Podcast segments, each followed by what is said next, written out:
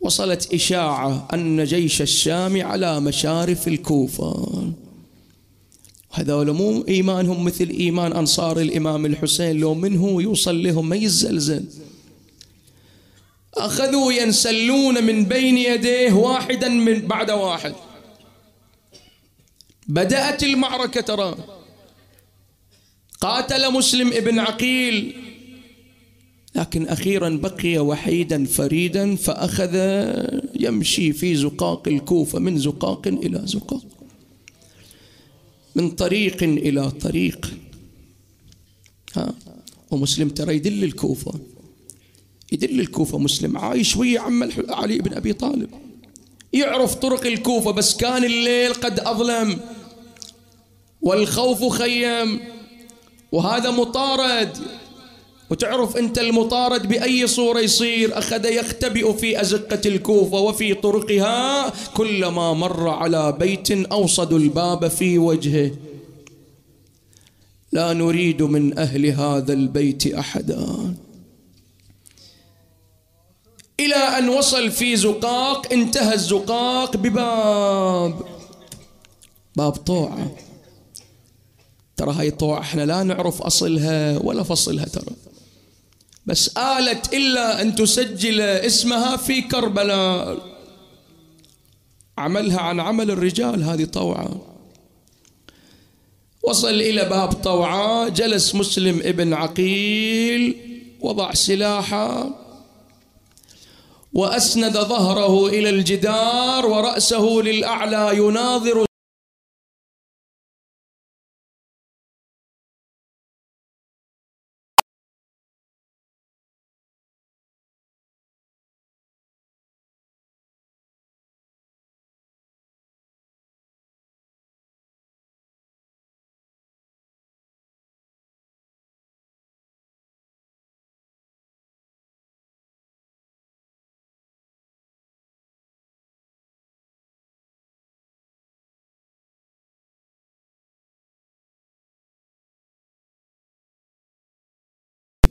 هيبة مسلم ابن عقيل. طالعت إلى هذا الرجل قالت إلى يا يا هذا ترى أنت قاعد عند بيت أجانب أكو نساء داخل البيت شم قاعد إنك أمام الدار؟ قال لها مسلم والله ما جلست لريبة لكني عطشان أريد جرعة من الماء. دخلت الجارية إلى سيدتها طوعة مولاتي إلا على الباب رجل أجنبي ويطلب الماء. قالت حبا وكرامة أنا أودي إلى الماء. أنت تدخلي داخل ودت لماء في قدح. شرب مسلم ابن عقيل.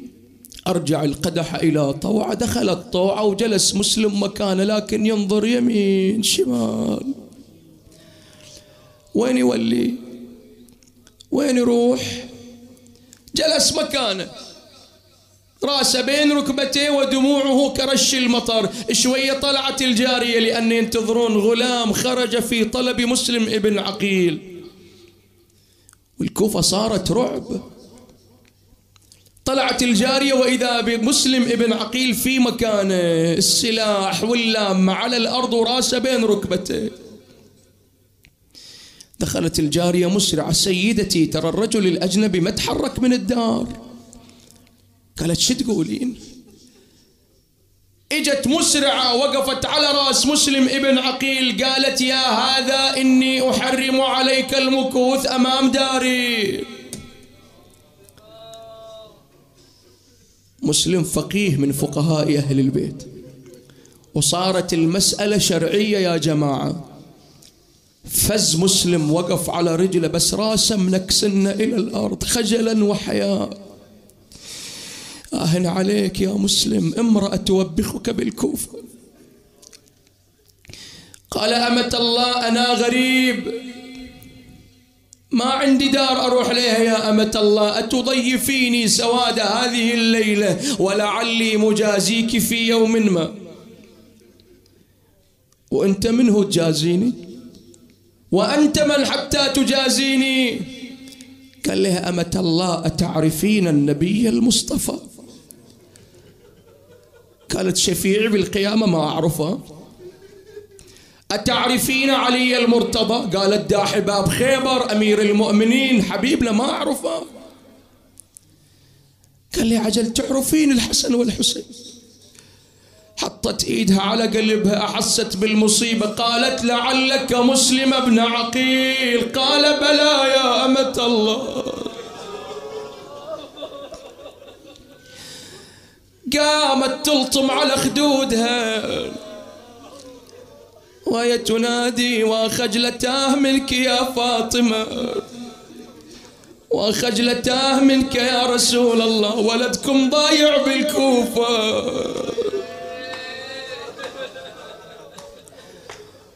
سيدي نور عيني ادخل انت صاحب البيت وإحنا ضيوفك يا مسلم. الله الله الله الله. اللهم ارحم هذه العبرات. يلا ندخل بالمصيبة. متهيئين؟ قالت شربت الماء لا توقف على الباب. عيب على مثلك وقفته ببيوت. الأجناب جنك جليل وشوفتك يا بطل. تنهاب لجلك لهلك ذروح القمر. غرب والنجم دا.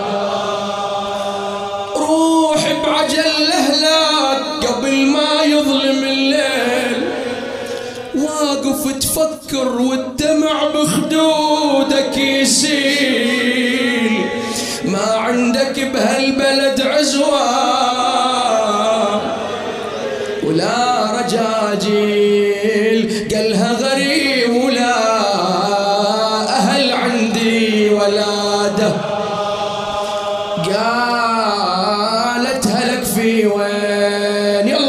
يلا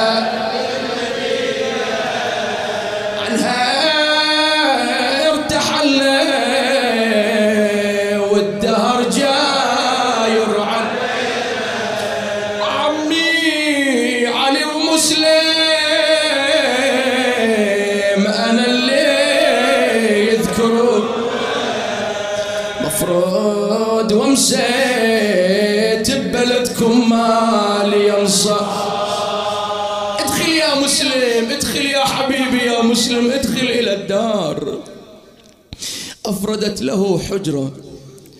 طلب الماء توضأ مسلم وصلى في تلك الليلة.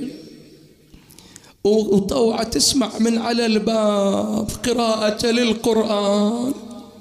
بين راكع وساجد ودموعها على خدها. جابت إلى مسلم شيء من الزاد قدمته أمامه بس من التعب. وضع رأسه على الوسادة ونام في تلك الليلة. وبس طلع الفجر هذا ولدها عندما استخبر بوجود مسلم أسرع إلى قصر الإمارة. النصيحة النصيحة يا أمير. ما الخبر؟ قالت قال له إن أمي تجير أعداءنا. وين الأعداء؟ ومن هذا العدو؟ قال مسلم ابن عقيل صاحب بن زياد طوقوا الغلام. يعني خلوا عليه طوق من الذهب وأركبوه على خيل سابق. قالوا إلى يلا أنطلق بنا إلى منزلك. استيقظ مسلم ابن عقيل المذعور. أمة الله أين لامتي؟ أين سيفي؟ فرطت على روع الله قلبك يا مسلم. إيش فيك مخطوف ألوانك يا سيدي؟ قال أمة الله رأيت رسول الله صلى الله عليه وآله في المنام وعمي علي وهم يقولان يقولان إلى والدي عقيل لم تركت ولدك عند الكلاب؟ فرد والدي إن ولدي مقبل إلينا فإن صدق ظني فإني مقتول. ما أنهى كلامه وإذا بصهيل الخيل وقعقعة اللجام سمع دويا إلى العسكر تأخذ سيف بأبي وأمي وأقبل إلى القوم أرادوا أن يدخلوا عليه الدار. تقول الرواية كان شجاعا عريض المنكبين قوي الساعدين اتكأ على الباب وكردس الجيش بالطريق على بعضهم البعض. سل حسامة وأخذ يقاتل قتال الأبطال. لكن سووا إلى حرب ما صارت بالوجود. الجيش يقاتله في الطريق فرقة بالسيوف وأخرى بالرماح وأخرى بالنبال. والنساء ترميه بالحجارة والقصب من على السطور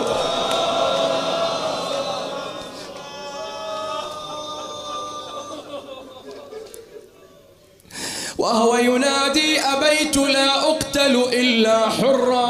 وإن رأيت الموت شيئا نكرا أخاف أن أقتل أو أغر أو أخدع أو أغرى قاتلهم قتال الأبطال. أرسل ابن الأشعث إلى ابن زياد مدني بالخيل والرجال. قال ويحك يا ابن الأشعث إنما أرسلتك إلى رجل واحد أيصنع بكم هذا الفعل الشنيع؟ فكيف لو أرسلتك لمن هو أشد منه مراسا ويعني بذلك الحسين. قال يا أمير إنك لم ترسلني إلى بقال من بقال الكوفة ولا جرمقان من جرامقة الحيرة وإنما أرسلتني إلى سيف من أسياف آل أبي طالب. مكن السيف في رقابهم كردسهم على بعضهم البعض. آجر آجركم الله أحسن الله لكم العزاء. أتعبه نزف الدماء وثقل السلاح والحار. وقف مسلم واستند على جدار ليستريح قليلا. باغته ملعون من خلفه وضرب مسلم بالحربة في ظهره.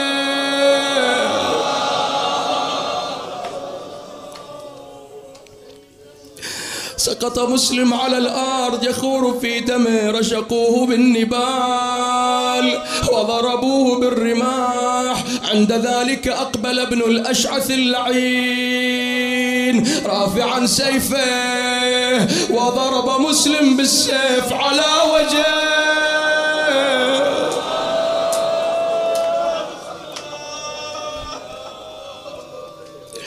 تقول الرواية ما وقف سيفه إلا في أسنانه. تكسرت ثناياه قيدوا مسلم ابن عقيل بالحبال وأخذوا يجرونه إلى ابن زياد. وقفوا أمام ابن زياد بس ما شاف مسلم ابن عقيل شتم فاطمة وعلي. ومسلم منكس راسه. الله أكبر الله أكبر. أبو طاهر أنت رجل. والرجل يتحمل. سيدي يا ابن عقيل انت لما شتم فاطمة وعلي انت رجل. لكن أقول لك سيدي في يوم آخر شتمت زينب في هذا المجلس تحديدا. ما كان حالها يا سيدنا. أمر به إلى أعلى السطح. خذوه إلى أعلى السطح واضربوا عنقه. الله أكبر مسلم أبى إلا أن يواسي الحسين في مصابه وحيد عطشان حزوا منحرا وكسروا أضلاعه بس الفرقية يا جماعة أن مسلم احتفظ بأشلائه وأعضائه في جسده ولو تكسرت الأعضاء كانوا يجرونه جثة كاملة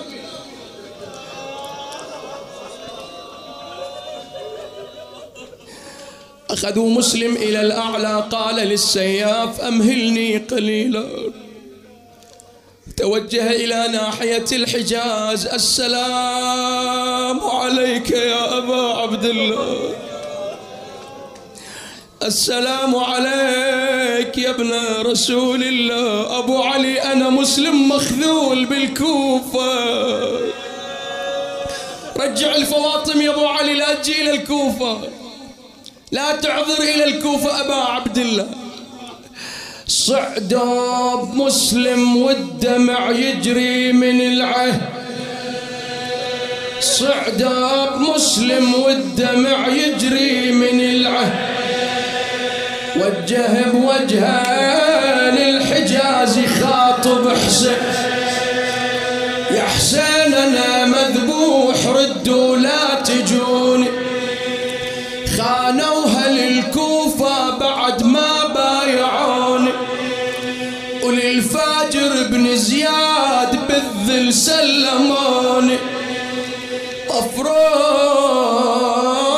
وانتو يا أهلي عني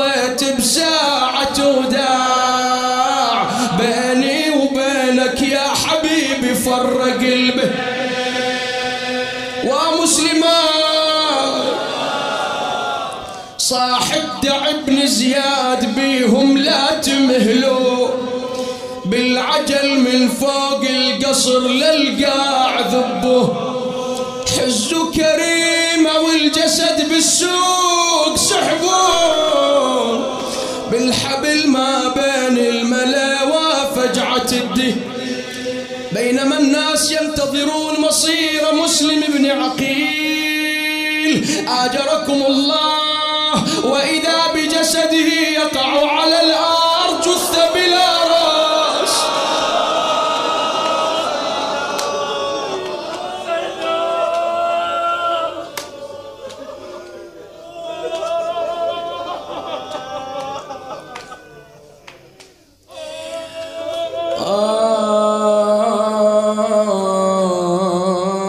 وصف الجسد ذبوه من قصر الإمارة. ليزيد برض الشام راحت له بشارة. وكان يترجى حسين وانقطعت أخباره. وزينب تقول إيش خبر مسلم يا ضي العين حسين مسلم ما لفت منا مكاتب. شو السبب ما يطرش خبر نفهم الترتيب؟ والله من الكوفة يا خويا قلبي مريب. خاذ بحو علي وخانوا بعهد الحسن يا حسين. قال هالخبر عندي يا مهجة سر الوجود مسلم من الكوفة يا نور العين ما يعود. جني أشوف أنا بسوق الغنم ممدود. بينهم مسحوب ما جنهم مسلمين. إيه أصحاب العبرة. أصحاب الدمعة. خليني أوديك إلى هالموقف وأسألكم الدعاء. أوديك إلى موقف مؤلم لما دخلوا السبايا إلى الكوفة. تقول الرواية لما أدخلوا السبايا إلى القص إلى قصر الإمارة كان رأس مسلم منصوب عن يمين ابن زياد. بنت اليتيمة شافت الراس من بعيد تعلقت بأذيال عمتها زينب. عمة.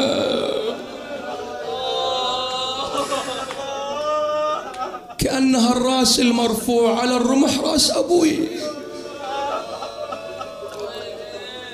بس ملامحه مخطوف اللون. السيف على وجهه هالمحية وهالجمال كله خسفت والدماء جامدة على خدوده. قالت إلها عمة عمة هذا أبويا. قالت بلى بلى يا بني هذا رأس مطلوبك.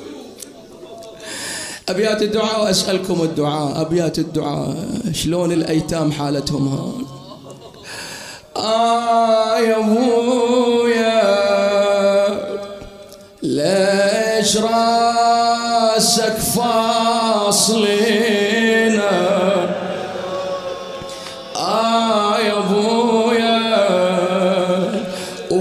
وبالأسن معلقينا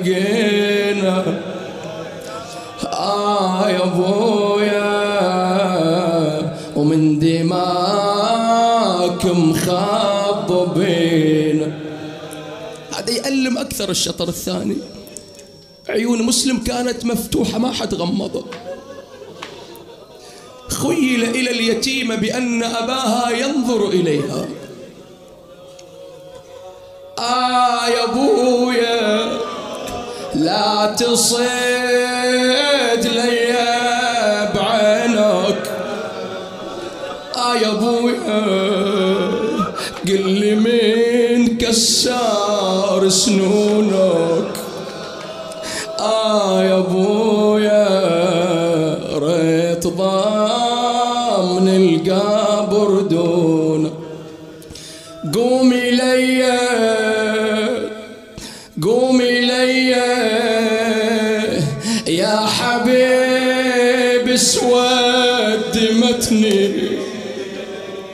قومي ليا من السياط الألمتني قومي ليا دمعتي قرحت جفني بعد بعد هذا الشطر قومي ليا مو أني بنتك حميدة قومي ليا لا تخليني وحيد.